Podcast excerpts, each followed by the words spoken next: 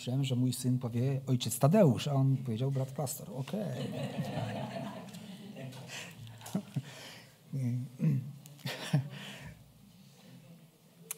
tak to dziwnie brzmi z ust syna, jak tak mówi. Troszeczkę tak, rzeczywiście, ale chwała Bogu. Kochani, dzisiaj przed nami e, tak Bóg położył na serce, aby zająć się takim kolejnym krótkim listem. Choć on krótki i nazywa się listem Judy, to jednakże treść jest dość ogromna. E, ale chciałbym dzisiaj z wami ten cały list przeczytać i zająć się jedenastoma wersetami, bo całość jest zajęłaby nam troszeczkę dużo, przy dużo czasu. Dziękuję pięknie. W Biblii są bardzo różne księgi. Różne pod względem charakteru, pod względem tematów, które są poruszane. Są takie miejsca w Biblii, które mówią o Bożej miłości, o Bożej łasce, o cudownych Bożych zwycięstwach darowanych dla Bożego ludu. Są takie miejsca, które są zachęcające, E, pobudzające do wielbienia Boga, ale są też takie księgi, takie miejsca w Biblii, które odnoszą się do grzechu z Bożej perspektywy. A jeszcze bardziej szczególne miejsca takie są też, które odnoszą się do grzechu w Kościele z Bożej perspektywy. Otóż e, jest możliwe i dzieje się tak niestety, że również wśród e, w zborach kościołach pojawiają się ludzie, którzy lubią grzeszyć albo też zbaczają z drogi prawdy, aby pójść drogą grzechu. Przeczytajmy najpierw ten, ten list, bo on właśnie o takich rzeczach mówi. I często są takie miejsca w Biblii, które pokazują nam Boga pełnego miłości, cierpliwości, łaskawości, ale są takie miejsca, które nam przypominają i mówią o tym, że Bóg jest też sędzią wobec tych, którzy sprzeciwiają się Jego woli i nie chcą uznać, że On jest Bogiem, stwórcą wszystkiego. Przeczytajmy cały list Judy, czyli werse, 25 wersetów. Juda, sługa Jezusa Chrystusa, a brat Jakuba do powołanych od, w Bogu Ojcu umiłowanych, a dla Jezusa Chrystusa zachowanych. Miłosierdzie, pokój i miłość niech będą waszym udziałem w obfitości. Umiłowani, zabierając się z całą gorliwością do pisania do was o naszym wspólnym zbawieniu, uznałem za konieczne napisać do was i napomnieć was, abyście podjęli walkę o wiarę, która raz na zawsze została przekazana świętym.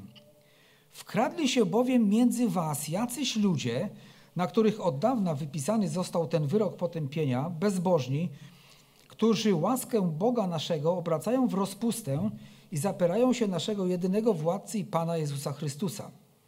A chcę przypomnieć wam, którzy raz na zawsze wszystko wiecie, że Pan wybawił wprawdzie lud z ziemi egipskiej, ale następnie wytracił tych, którzy nie uwierzyli. Aniołów zaś, którzy nie zachowali z zakreślonego dla nich okręgu, lecz opuścili własne mieszkanie, trzyma w wiecznych pętach w ciemnicy na wielki dzień sądu. Tak też Sodoma i Gomora i okoliczne miasta, które w podobny sposób oddały się rozpuście przeciwnemu naturze pożądaniu cudzego ciała, stanowią przykład kary ognia wiecznego za to. Pomimo to ludzie ci, hołdując urojeniom, podobnie kalają ciało swoje, pogardzają zwierzchnościami i bluźnią istotom niebieskim. Tymczasem Archanioł Michał, gdyś z diabłem wiódł spór i układał się o ciało Mojżesza, nie ośmielił się wypowiedzieć bluźnierczego sądu, lecz rzekł, niech cię Pan potępi.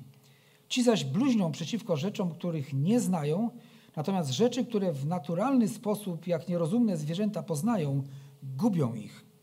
Biada im, bo poszli drogą Kaina i pogrążyli się w błędzie Balaama dla zapłaty i zginęli w buncie Korego. Oni to są zakałą na waszych ucztach miłości, w których bez obawy biorą udział i tuczą siebie samych, chmurami bez wody unoszonymi przez wiatry, drzewami jesiennymi, które nie rodzą owoców, dwakroć obumarłymi, wykorzenionymi, wściekłymi bałwanami morskimi, wyrzucającymi hańbę swoją, błąkającymi się gwiazdami, dla których zachowane są na wieki najgęstsze ciemności. O nich to prorokował Henoch, siódmy potomek po Adamie, mówiąc Oto przyszedł Pan z tysiącami swoich świętych, aby dokonać sądu nad wszystkimi i ukarać wszystkich bezbożników za wszystkie ich bezbożne uczynki, których się dopuścili i za wszystkie bezecne słowa, jakie wypowiedzieli przeciwko niemu bezbożni grzesznicy. Są to ludzie biadający nad losem swoim, kierujący się swoimi porządliwościami. Usta ich głoszą słowa wyniosłe, a dla korzyści schlebiają ludziom. Lecz wy, umiłowani, przypomnijcie sobie słowa wypowiedziane przez apostołów Pana naszego Jezusa Chrystusa, gdy mawiali do was, w czasie ostatecznym wystąpią szydercy, postępujący według swoich bezbożnych porządliwości. To są ci, którzy wywołują rozłamy, zmysłowi, nie mający ducha, ale wy, umiłowani, budujcie siebie samych w oparciu o najświętszą wasz, wiarę waszą, módlcie się w Duchu Świętym. Zachowajcie samych siebie w miłości Bożej, oczekując miłosierdzia Pana naszego Jezusa Chrystusa ku życiu wiecznemu. Dla jednych, którzy mają wątpliwości, miejcie litość, wyrywając ich z ognia, ratujcie ich. Dla drugich miejcie litość połączoną z obawą, mając odrazę nawet do szaty skalanej przez ciało. A temu, który was może, może ustrzec od upadku i stawić nieskalanych z weselem przed obliczem swojej chwały, jedynemu Bogu, Zbawicielowi naszemu, przez Jezusa Chrystusa, Pana naszego, niech będzie chwała, uwielbienie, moc i władza przez wszystkimi wiekami i teraz i po wszystkie wieki. Amen. A więc sami widzicie, że list y, jest ostry. Że list, w liście tym Pan Bóg przez Judę jednoznacznie wypowiada się na temat ludzkiego grzechu, na temat ludzkiej bezbożności i obstawania przy swojej grzesznej drodze, nie chcąc pokutować i uznać tego, że Bóg jest Bogiem, Stwórcą Wszechświata i Królem Królów i Panem Panów. Z jednej strony czytamy w tym liście o tym, w jaki sposób Pan Bóg odnosił się w historii do popełnianych grzechów, w jaki sposób e, postąpi w przyszłości, osądzając wszystkich, ale też znajduje się na zakończenie takie miejsce, które mówi, że Bóg może nas, ma moc zachować nas od upadku i zachować dla siebie. E, ten list, który z jednej strony jest bardzo jednoznaczny i bezkompromisowy, bo taka też powinna być nasza, nasza postawa wobec grzechu i w naszym życiu, i w Kościele, jest również e, listem pokazującym, że Bóg jest pełnym miłości i troszczy się i dba o swój lud. I jest w stanie zachować swoje dzieci e, od, i zachować od upadku. Tak więc Juda kieruje swój list do ludu Bożego Nowego Testamentu, do Kościoła. Pisze do tych, którzy prawdziwie należą do Boga. Werset pierwszy zawiera właśnie takie określenia, takie zwroty, które wyraźnie pokazują, kto jest adresatem tego listu. Ponieważ tu jest napisane, że e, e, pisze do powołanych, w Bogu Ojcu umiłowanych, a dla Jezusa Chrystusa zachowanych. E, te określenia wskazują, że pisze do ludzi wierzących, do tych, którzy przyjęli zbawienie z Bożych rąk, wyznali swój grzech i uznali to, że Jezus Chrystus jest prawdziwie Bogiem i Panem. Pisze ten list Juda do ludzi prawdziwie zrodzonych z Boga. To ludzie powołani przez Boga z tego świata, e, przez Ewangelię, aby należeli do Niego, są oddzieleni przez Boga, aby być Jego szczególnym i moralnie czystym ludem, są też cudowną mocą Bożą zachowani od nieczystości i potępienia, od upadku, aż do dnia, gdy zostaną przeniesieni, aby zobaczyć swojego Pana Panów i Króla Królów, cudownego Zbawiciela, aby spotkać się z Panem Jezusem Chrystusem, aby zobaczyć Go w całym Jego pięknie i w całym Jego chwale. Samego siebie Juda nazywa tutaj sługą, choć według ciała był bratem Jezusa. W pokorze nie próbuje podnieść swojej e, rangi swojej osoby ponad miarę. Ten sługa Jezusa Chrystusa życzy swoim czytelnikom, a dzisiaj również przez to zapisanie tego słowa w Biblii, również Duch Święty kieruje e, do nas te słowa życzenia i, i czytamy, że Juda życzy miłosierdzia, pokoju i miłości.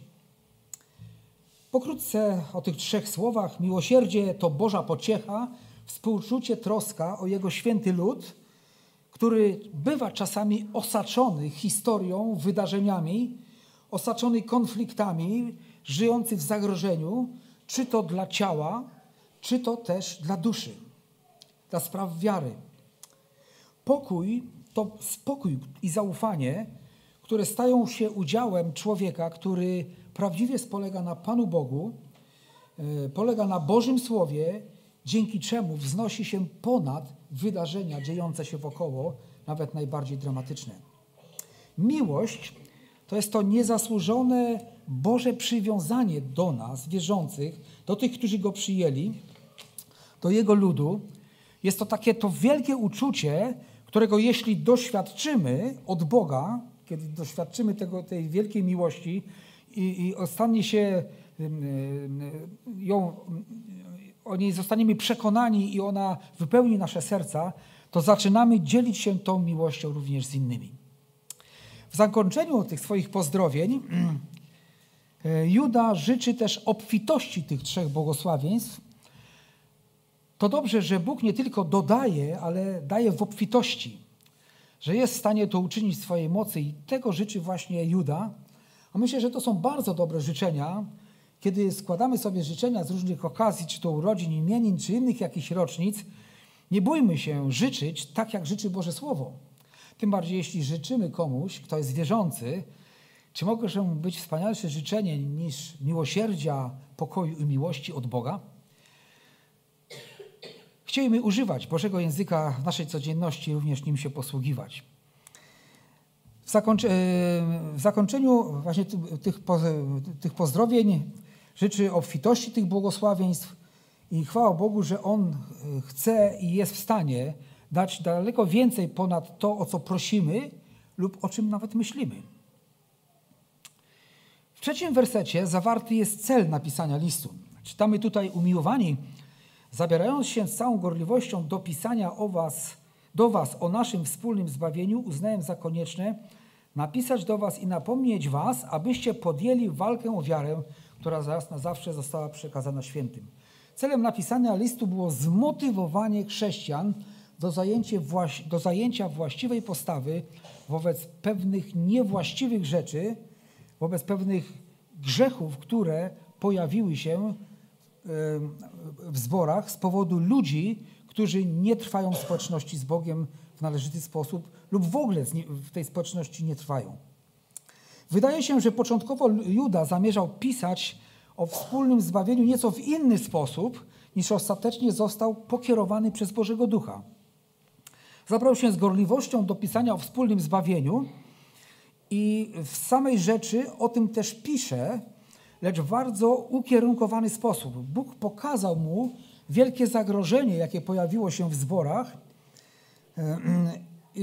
To zagrożenie dla wspólnej chrześcijańskiej wiary i dla wspólnego zbawienia, które jest z łaski w Panu Jezusie Chrystusie. To, co raz na zawsze zostało przekazane świętym Kościołowi, poddane zostało próbie demontażu. Zaatakowany został święty depozyt chrześcijańskiej prawdy. Dopuszczono atak, przypuszczono atak, aby był wymierzony w wielkie fundamentalne doktryny. Boży lud nie może pójść na, na kompromis, gdy toczy się bitwa o inspirację, bezbłędność, autorytet i wystarczalność Pisma Świętego. Właśnie do takiej walki do, do, y, zachęca Juda wierzących, do których pisze. Oczywiście, kiedy mówi o walce, nie mówi tutaj o wojnach krzyżowych, nie mówi tutaj o chwyceniu za broń i uśmiercaniu fizycznym ludzi, którzy nie wierzą we właściwy sposób lub zboczyli z drogi wiary. Chodzi mu o podjęcie y, walki o wiarę poprzez przeciwstawienie się i nieakceptację dla takiego stanu rzeczy. Nie można obojętnie patrzeć, jeśli grzech w jakiejkolwiek postaci próbuje zagnieździć się w życiu wierzących ludzi.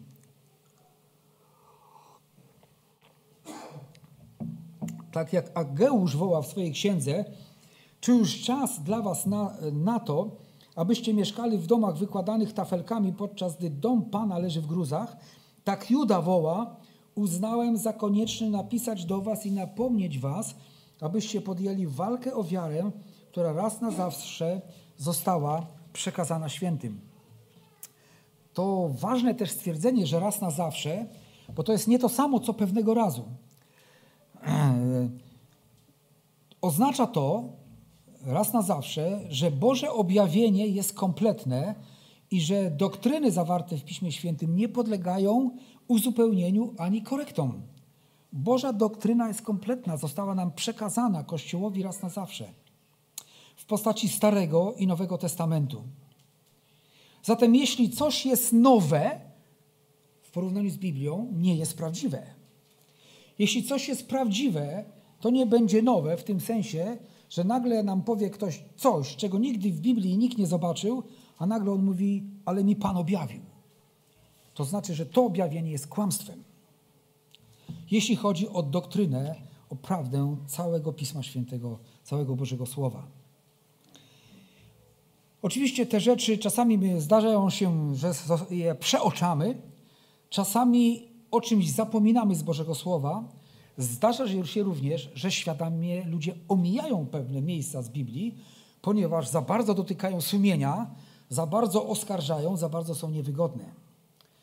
Ale Boże Słowo, ta, ta, e, to dziedzictwo Boże dla Kościoła w postaci Biblii jest raz na zawsze przekazane świętym. To znaczy wszystkim tym, którzy przyjęli Pana Jezusa i jeszcze Go przyjmą, staną się Bożą własnością, jest dla nas darowana ta księga niezmienna, natchniona przez, Bożego, przez Boga. Wiara została przekazana, a my ani nie potrzebujemy, ani nie bierzemy pod uwagę niczego nowego. Potrzebujemy jedynie Bożego oświecenia, tego objawienia, które dotyczy właściwego zrozumienia, właściwego zinterpretowania tego, co zostało napisane. Istotę zagrożenia pokazuje też werset czwarty. E, czytamy, wkradli się bowiem między was jacyś ludzie, dla których od dawna został wypisany ten wyrok potępienia, bezbożni, którzy łaskę Boga naszego obracają w rozpustę, zapierają się naszego jedynego władcy i Pana, Jezusa Chrystusa. W odróżnieniu od powitania na wstępie, gdzie Juda pisze do e, wybranych, zachowanych i umiłowanych, e, i adresaci są tam jednoznacznie określeni jako ciało Chrystusowe, tutaj mamy zwrot jacyś ludzie. Ani powołani, ani nieumiłowani, ani niezachowani dla Chrystusa jacyś ludzie, jest to stwierdzenie pokazujące, że ich przynależność duchowa na pewno nie jest związana z wiarą w Boga. I wiecie, to jest wiel... bardzo trudna i dramatyczna sytuacja, w którym nagle w zborze pojawili się, czy w zborach, tam jest napisane między wami, czy weszli pomiędzy was, jacyś ludzie, którzy żyją i wierzą tak naprawdę zupełnie inne rzeczy niż naucza Pismo Święte. Lepiej sobie nawet nie wyobrażać, jak trudna to jest sytuacja, gdybyśmy doświadczyli czegoś takiego tutaj w naszym zborze. Jacyś ludzie wkradli się do kościoła, ani powołani, ani umiłowani, ani niezachowani, to nie ludzie Boży. Znaleźli się w kościele. Nie czytamy tutaj, żeby oni zostali wprowadzeni, że ktoś im poklepał po ramieniu i powiedział: Okej, okay, dobra, co prawda nie do końca wierzysz tak jak my, ale wejdź do kościoła. Natomiast czytamy o tym, że oni się wkradli. Pytanie, jak mogą się wkraść tacy ludzie do kościoła? Wkradli się do zborów. Mówili pewnie jak wierzący, modlili się, śpiewali, wyglądali jak wierzący, zdobyli zaufanie, oszukali wierzących. Czasami my wierzący jesteśmy za mało dociekliwi, za mało pytań zadajemy, żeby sprawdzić, kto naprawdę i w co wierzy. Musimy tego bardzo pilnować. E, to, to ludzie, na których od dawna ciąży wyrok potępienia, tutaj jest napisane, jednak wbrew pozorom nie znaczy to, że Bóg pewnych ludzi wybrał na potępienie. Pismo Święte nigdzie nam nie mówi, że Bóg wybiera kogoś na potępienie. My wszyscy z powodu upadku w grzech jesteśmy potępieni za nasz grzech, natomiast Bóg nikogo nie wybrał do potępienia. Gdy ludzie w Biblii nie ma takiej doktryny. Gdy ludzie są zbawieni, to dzieje się to za, za sprawą suwerennej łaski Bożej w wyniku wiary człowieka. Gdy zostają ostatecznie zatraceni, to przez własny grzech, nieposłuszeństwo i brak pokuty. Zastanawiałem się, jak zilustrować e, to określenie, że od dawna ten wyrok został na nich wypisany. I nie wiem, czy to będzie dobry przykład, ale użyję takiego, takiej, odwołam się do przepisów ruchu, ruchu drogowego. Jest przepis, który mówi, że ktoś, kierowca konkretnie, przyłapany na prowadzeniu samochodu pod wpływem alkoholu, pójdzie do więzienia. Czy wszyscy kierowcy automatycznie pójdą do więzienia? Nie. Tylko ci, którzy pod wpływem alkoholu będą prowadzić.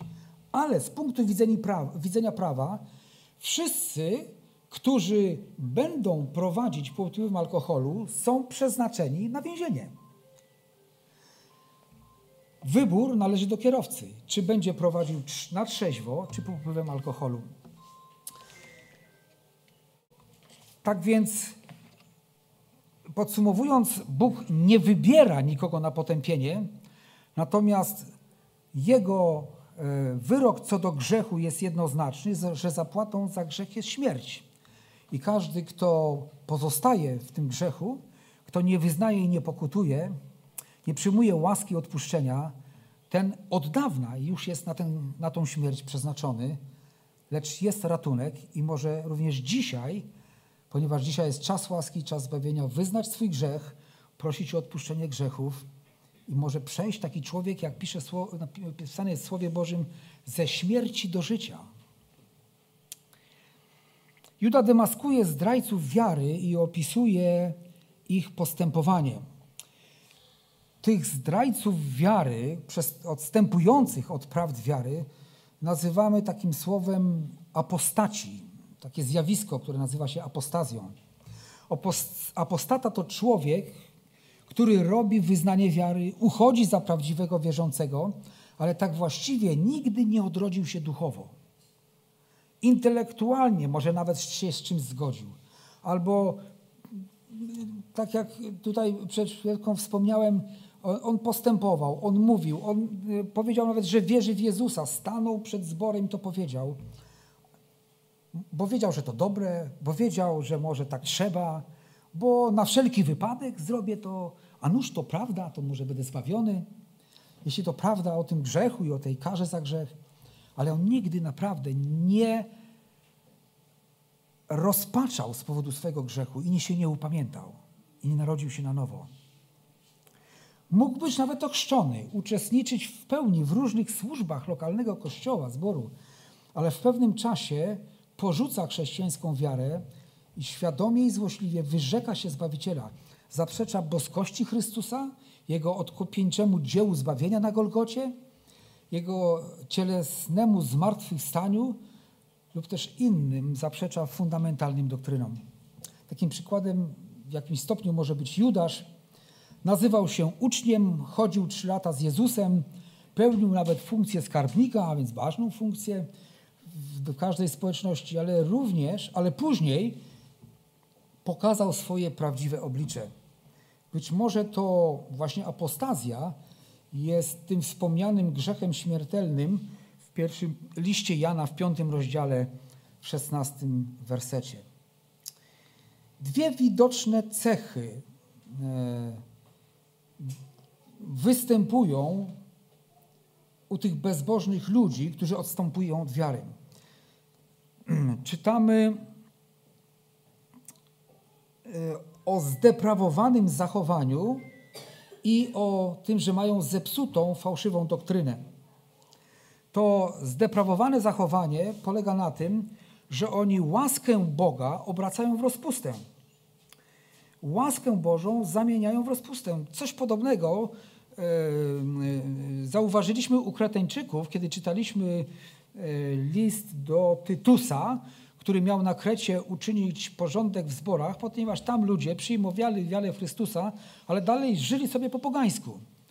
No bo łaska, jest łaska, więc po, jeśli będzie trzeba, to wyznam i Bóg mi odpuści.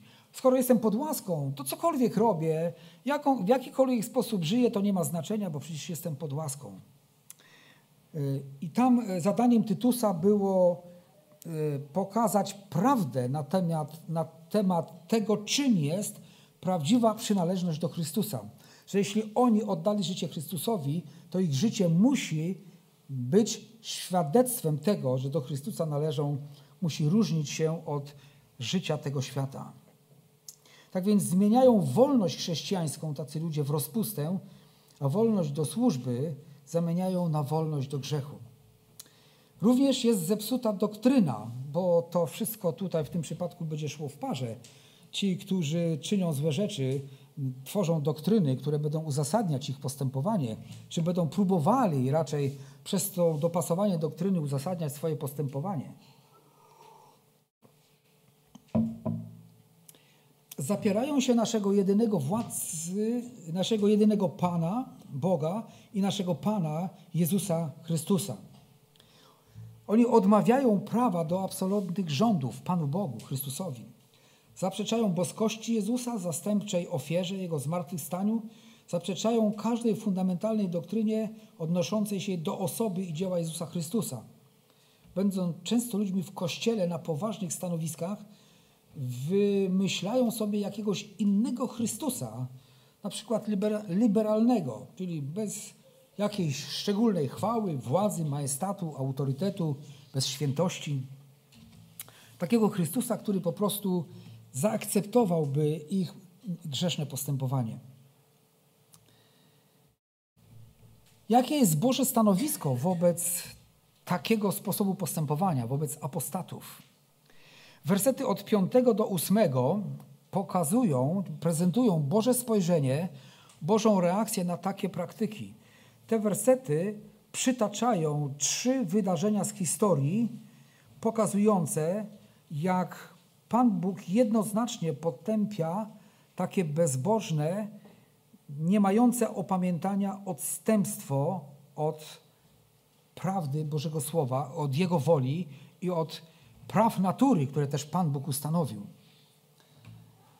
Bóg swoje stanowisko wobec apostatów objawił w Starym Testamencie wielokrotnie, różne, w różnych sytuacjach. Właśnie Juda przytacza tutaj te trzy przypadki. Pierwszy z nich to jest niewierzący Izrael. Drugi, to w jaki sposób Pan Bóg wobec nich postąpił na pustyni. Drugi przypadek to aniołowie, którzy zgrzeszyli i zamknięci są w więzieniu na Wielki Dzień Sądu. I trzeci przykład to mieszkańcy z Sodomy i Gomory i okolicznych miast, którzy oddali się złemu pożądaniu cudzego ciała, żyli po prostu w rozpuście i w homoseksualizmie. Niewierzący Izrael. Wszyscy wyszli z Egiptu. Bóg dał obietnicę, że w swojej mocy doprowadzi ich do Kanaanu i da im go w posiadanie. Z całego pokolenia które wyszło z Egiptu, jednak tylko Jozue i Kaleb wierzyli Bogu i nie przestali mu ufać i tylko oni weszli do ziemi obiecanej. Cała reszta od 20 lat wzwyż wymarła na pustyni, a raczej czytamy, że Bóg ich wytracił na pustyni z powodu ich niewiary. Tylko dwóch z całego pokolenia widziało Egipt, a potem Kanaan. Nawet Mojżesz z powodu swojego jednego nieposłuszeństwa nie mógł wejść do Kanaanu. Resztę Bóg wytracił na pustyni. Fizycznie należeli do Bożego ludu. Nazywali się Izraelem, Żydami, Izraelitami. Duchowo byli jednak bez wiary. I to jest jedna z cech właśnie tych ludzi, o których mówi Juda, że oni się wkradli do zborów. Zewnętrznie przybrali taką postawę i taki sposób bycia, który mógł i przekonał wielu, że oni są wierzącymi ale wewnętrznie nigdy nie uczynili Chrystusa Panem swojego życia, nigdy nie, narodzili się na nowo. Kara z powodu niewiary jest karą, która przytrafiła się z powodu niewiary właśnie Izraelitom na pustyni. Można sobie zadać pytanie, czy postawić pytanie, chodzisz do kościoła, do zboru, ale czy ty naprawdę wierzysz, czy naprawdę Twoje serce należy do Chrystusa. Drugim przykładem są aniołowie, którzy zgrzeszyli. Jaka była ich wina? Nie zachowali zakreślonego dla nich obszaru, lecz opuścili własne mieszkanie. Poszli tam, gdzie nie, nie powinni by pójść. Złamali Bożą decyzję, zgrzeszyli nieposłuszeństwem. W Piśmie Świętym możemy, z Pisma Świętego możemy wnioskować o dwóch buntach aniołów. Pierwszy z buntów, który miał miejsce wtedy, kiedy Lucyfer sprzeciwił się Panu Bogu i chciał zająć Boże miejsce, e, to był, to, to był ten pierwszy e, bunt, w którym e, ci aniołowie, którzy razem z Lucyferem się zbutowali, stali się demonami, które nie są w więzieniu, lecz aktywnie działają dzisiaj, przeciwstawiając się Ewangelii czy zniewalając ludzi. One nie są w więzieniu. Natomiast to, o czym pisze Juda, jest inną grupą apostoł, y, aniołów, którzy dopuścili się przekroczenia granicy, którą wyznaczył Pan Bóg. Nie chcę tutaj teraz zajmować się, kim mogli oni być, ponieważ poglądy na ten temat y, y, jest dosłownie chyba dwie czy trzy wzmianki w Biblii na ten temat, że coś takiego się wydarzyło. Oprócz Judy jest to list, drugi list Piotra, Również w Starym Testamencie jest jakaś wzmianka, ale ponieważ bardzo różne są opinie na ten temat, więc nie będę e, wypływał na wodę, na której mógłbym utonąć. E, faktem jest to, że tak jakby są te dwie grupy upadłych aniołów. Jedni, którzy stali się demonami i dzisiaj aktywnie działają po dziś dzień, a inna grupa to, to właśnie ta apostazja aniołów, którzy przekroczyli wyznaczone im granice i ta kara za nieposłuszeństwo również ich dosięgnęła, ponieważ Bóg jest święty i sprawiedliwy, nie mógł nie zareagować na grzech. Trzecia, trzecia ci rodzaj e, odstępstwa, e, który dzieje się wśród tych, którzy porzucają albo też nigdy tak naprawdę nie byli w wierze, więc nie mieli co porzucić, byli tylko zewnętrznie E, przybrali zewnętrzną taką postać, taki kształt, e, aby móc wejść do zborów, do kościołów, do kościoła, to właśnie grzech mieszkańców Sodomy, Gomory i jeszcze chyba chyba dwóch czy trzech okolicznych miast. Tu jest powiedziane tak też taki zwrot, wskazywać by mógł on na to, że i grzech Sodomitów miał cechy wspólne z grzechem aniołów. Aniołowie przekroczyli granice E, gdzieś tam w okręgach niebieskich, natomiast Sodomczycy i Gomorczycy przekroczyli granicę natury, którą Pan Bóg stworzył. To przekroczenie polegało na przekraczaniu, na niewłaściwym, grzesznym pożądaniu cudzego ciała.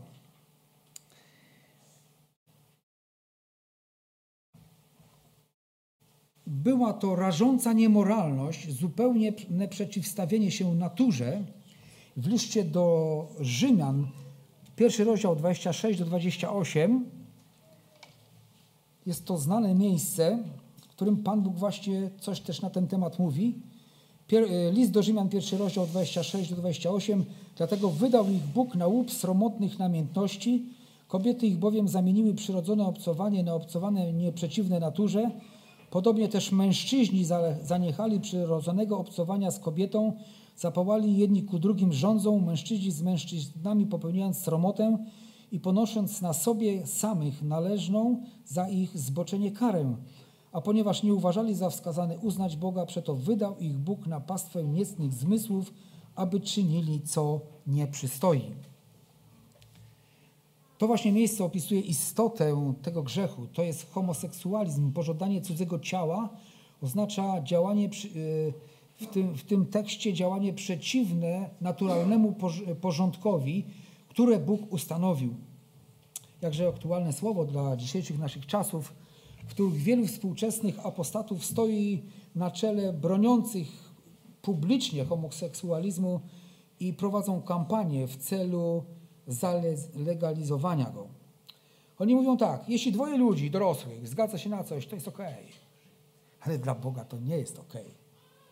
Dla Boga grzech zawsze jest grzechem.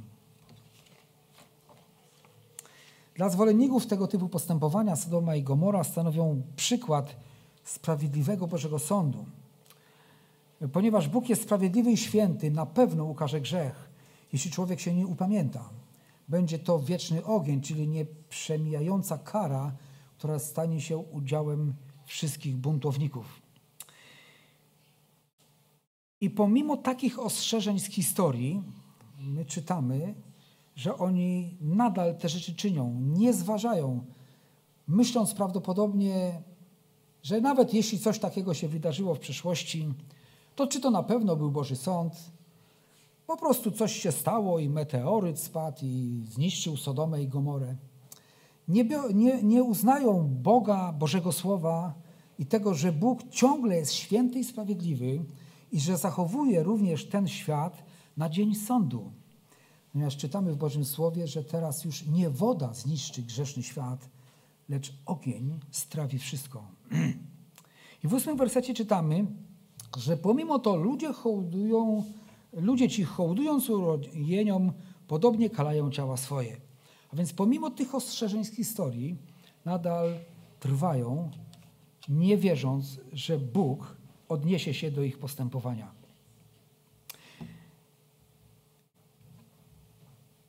Werset ósmy mówi o tym, że kalają swoje ciało, pogardzają zwierzchnościami i bluźnią istotą niebieskim. E, kalają swoje ciało, ponieważ swoje grzeszne marzenia, fantazje, sny realizują w niemoralności seksualnej, tak jak Sodomczycy.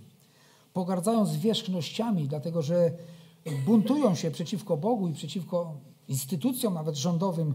To oni stają się wnioskodawcami bezprawia i anarchii, najchętniej zlikwidowaliby wszelkie rządy, aby móc spełniać wszystkie swoje zamiary i pragnienia. Bluźnią również istotom niebieskim nie, znają, nie mają, nie, za nic mają to, że nie ma władzy jak tylko od Boga, a które, te, które są przez Boga są ustanowione. E, czasami wierzący w Kościele dyskutują z tym słowem, E, ponieważ rządy nam się czasami nie podobają. Postępowanie to jest prawda, grzesznie postępują.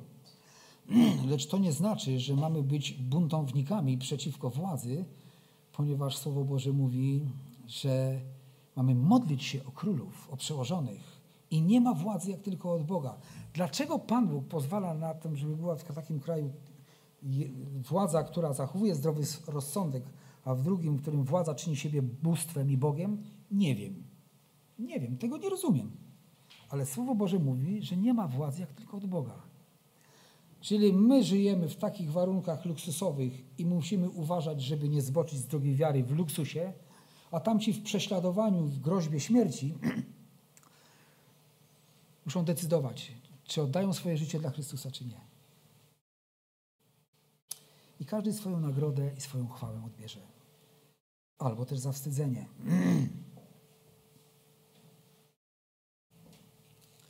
Z pogardą i zawziętością wypowiadają się przeciwko zwierzchności, czy to boskiej, czy anielskiej, czy ludzkiej. Wypowiadają też potępienie czy sądy wobec ludzi, y, czego nie odważył się nawet robić sam Archanioł Michał, gdy spierał się z szatanem o ciało Mojżesza. Y, nauczyciele Bożego Słowa są przekonani, raczej skłaniają się do tego, że chodziło o to, żeby nie zostawić ciała Mojżesza, które stałoby się przedmiotem kultu najprawdopodobniej. E, więc, więc dlatego też ten układ musiał jakby tam, y, to ułożenie się miało zaistnieć, ale czytamy nawet dlatego, że szatan się sprzeciwiał woli Bożej, to Archanioł Michał, jeden z najwspanialszych aniołów, e, tak jest on przedstawiany w Słowie Bożym w niektórych miejscach, nie odważył się sam wydać jakby wyroku. My, nie wiem, czy nieraz może słyszeliście, może częściej gdzieś tam w telewizji, w filmach, a może na własne uszy, jak, jak ktoś mówi do drugiej osoby, będziesz się smażył w piekle. Nie? To jest tego typu sąd, który y, ci nietrwający w prawdach Bożego Słowa, żyjący według swoich porządliwości, mają w końcu odwagę potępiać ludzi w ten sposób. Nawet Pan Jezus nigdy tego w ten sposób nie powiedział. Archanioł Michał tego nie powiedział, a ci, nie znając i nie wiedząc, nie znając ludzkich serc, y, wydają często właśnie takie potępiające wyroki, tylko dlatego, żeby obronić swoją pozycję, którą w swojej apostazji po prostu chcą utworzyć, swoją, swoją własną przestrzeń do działania. Pomimo takich jednoznacznych faktów z historii, pokazujących właśnie Boże karanie, bez, karanie bezbożności, karanie y, łamania praw natury ustalonych przez Twórcę, ludzie ci, ci apostaci, y, ciągle mają nadzieję, że ich Boży sąd nie ominie. Czytamy tutaj nawet w dziesiątym wersecie, że ci odstępcy z tupetem nieustępliwie wypowiadają się na tematy, co do których są ignorantami. To, na czym najlepiej się znają, to naturalne instynkty, jak zaspokoić swoje, ciele, swoje ciało i swoje zmysły. E, jak nierozumne zwierzęta idą za seksualnymi popędami, tym samym gubią samych siebie, swoje małżeństwa, swoje rodziny, zadając gwałt własnej duszy. Jedenasty werset, który jest tutaj e, tym już ostatnim wersetem naszego dzisiejszego rozważania, mówi o, przeczytajmy go, biada im, bo poszli drogą Kaina i pogrążyli się w błędzie Balaama dla zapłaty i zginęli w buncie Korego. To są kolejne trzy przykłady z historii Izraela, które, e, które pokazują, co jest istotą e, czy tego błędu, który oni popełniają, ci ludzie. E, ktoś powiedział, że ich przyszłość jest w tym wersecie ukazana jako pikowanie ze zwiększającą się prędkością. Wiecie, pikowanie to jest takie spadanie w dół. Kiedy samolot pikuje, to często kończy się to katastrofą. Pierwsze to jest droga Kaina. To próba uzyskania Bożej akceptacji bez wyznania grzechu, bez upamiętania, bez pokutowania ze swoich grzechów. To własny sposób zbliżenia się do Boga i zyskania Jego łaski to próba zbawienia przez własne wysiłki. Tak sparafrazować określić można było ogólnie tą drogę Kaina. Drugie to błąd Balaama to jest chęć wzbogacenia się przez robienie interesu ze służby dla Boga. To właśnie próbował zrobić, czy robił Balaam. Balaam uważał się za proroka Bożego, ale opanowała go porządliwość i za pieniądze zhańbił dar prorokowania. Czytać możemy o tym w trzech rozdziałach czwartej Mojżeszowej.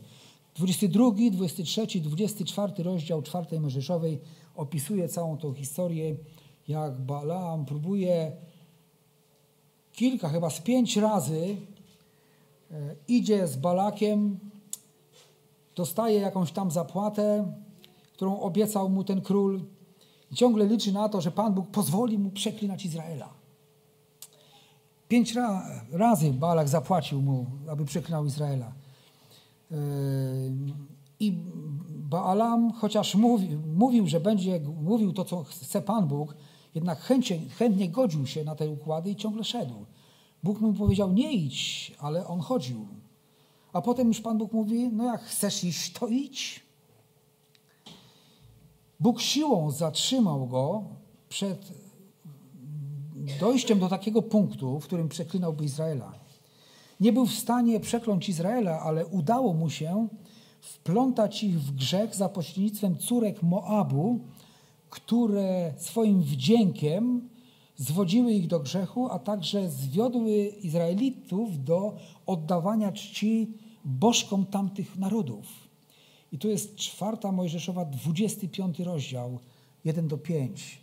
Jest wspomniane, jak, jak Moabitki, czy y, jak, y, w jaki sposób, że, że, że nastał ten fakt, nastąpił ten fakt, że yy, Balaam doradza, aby, aby Moabitki mogły wziąć tutaj sprawy w swoje ręce. Tak jak Balaam, dzisiejsi fałszywi nauczyciele mają siłę przekonania. Bardzo umiejętnie potrafią nakłonić do swoich racji, potrafią tłumić prawdę w celu osiągnięcia własnych zysków, z chciwości szukają sposobu uczynienia targowiska z domu Bożego. Wiemy, że przynajmniej chyba dwa razy w Ewangeliach Pan Jezus wypędza przekupniów ze świątyni, bo oni właśnie to robili. Nie przychodzili tam dla Boga, nie przychodzili tam, żeby pomóc tym, którzy chcą kupić ofiarę, ale przyszli po prostu się dorobić. Stali się zwykłymi handlarzami, przypinającymi się do świętej sprawy, aby na tym zbić interes. I to właśnie cechowało tych apostatów. E, jeden z wykładowców Bożego Słowa o nazwisku Kotes tak o tym pisze. Człowiek potrafi być tak podły, że szuka w sprawach Bożych korzyści dla siebie. Ostatecznym wyrazem tej podłości jest używanie rzeczy związanych z Bogiem do osiągnięcia zysków dla siebie. Pan z pewnością wymierzy za to karę. Jako trzeci wymieniony jest potem bunt Korego. E, Korach Datan i Abiram zbuntowali się przeciwko przywództwu Mojżesza i. Czytam o tym też w czwartym, czwartej Mojżeszowej, to w szesnastym rozdziale. Yy, zażądali kapłaństwa. Yy, yy, Korach był jednym z Lewitów. Lewici zostali przez Boga wyznaczeni do pomocy przy służbie w świątyni, w tym czasie, kiedy Izrael wybudował sobie cielca i zaczęli się bawić i hulać, Mojżesz schodzi z góry z tablicami, widząc upadek i grzech, niszczy te tablice, a potem staje Mojżesz i woła, kto po stronie Boga do mnie. I wtedy właśnie plemię Lewiego stanęło przy Mojżeszu, e, wymierzając karę tym, którzy sprzeciwiali się i Mojżeszowi, i tym postanowieniom Boga. Nie, chcieli upamiętać się w, tym, w tej bezbożności, w którą wpadli. A więc Lewici wtedy zostali przeznaczeni do szczególnej służby, ale nie do kapłaństwa. Natomiast Korach, Datan i Abiram powiedzieli: Mojżeszu, a co ty jesteś jakiś inny niż my? My też chcemy być kapłanami. W ten sposób pokazali, że tak naprawdę odtrącają Boga, czyli Boże postanowienia. Za tą niesubordynację zostali pochłonięci żywcem przez szczelinę w ziemi. Właściwie ziemia się rozstąpiła, a po ich wpadnięciu zamknęła się nad nimi. To również czytamy w czwartej Mojżeszowej w szesnastym rozdziale. A więc Boży Sąd szczególnie wobec tych, którzy mieli być Jego reprezentantami, sługami byli w świątyni, był jednoznaczny i bezwzględny, niepozbawiony miłości. On z miłości dla całego narodu izraelskiego, chcąc ich wybawić od upadku w grzech, musiał ukarać tych, którzy się zbuntowali. W ten sposób Bóg dokonał sądu nad ustanowionymi przez niego jego przedstawicielami, właśnie lewitami, którzy przeciwko niemu się zbuntowali. I tu chciałbym jedno miejsce z Bożego Słowa przeczytać na zakończenie. Z pierwszego listu do Koryntian, dziesiąty rozdział.